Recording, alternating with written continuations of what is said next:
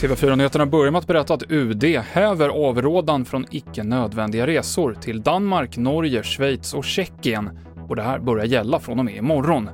Det beror på att de länderna låter svenskar resa in, även om det i Norge och Danmarks fall bara handlar om svenskar från vissa regioner, säger TV4s utrikeskommentator Elisabeth Frerot. De räknar ju hur många smitt, nya smittade man har per 100 000 invånare och regionen man bor i, i Sverige, ska ha kommit under 20 eh, för att eh, danskar och norrmän ska tycka att det är säkert att släppa in oss. Och Stockholm till exempel ligger fortfarande över det. Så att, eh, men det här kan ju ändras eh, väldigt snabbt.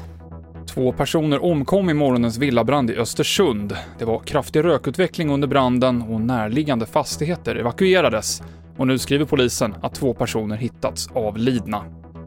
Och justitiekanslern avslår skadeståndsansökan för bröderna som friats från misstankarna i Kevin-fallet. Anledningen är att det var 1998 som de blev felaktigt anklagade och preskriptionstiden har därför löpt ut.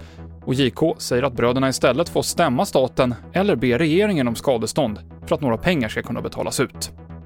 TV4-nyheterna med Mikael Klintevall.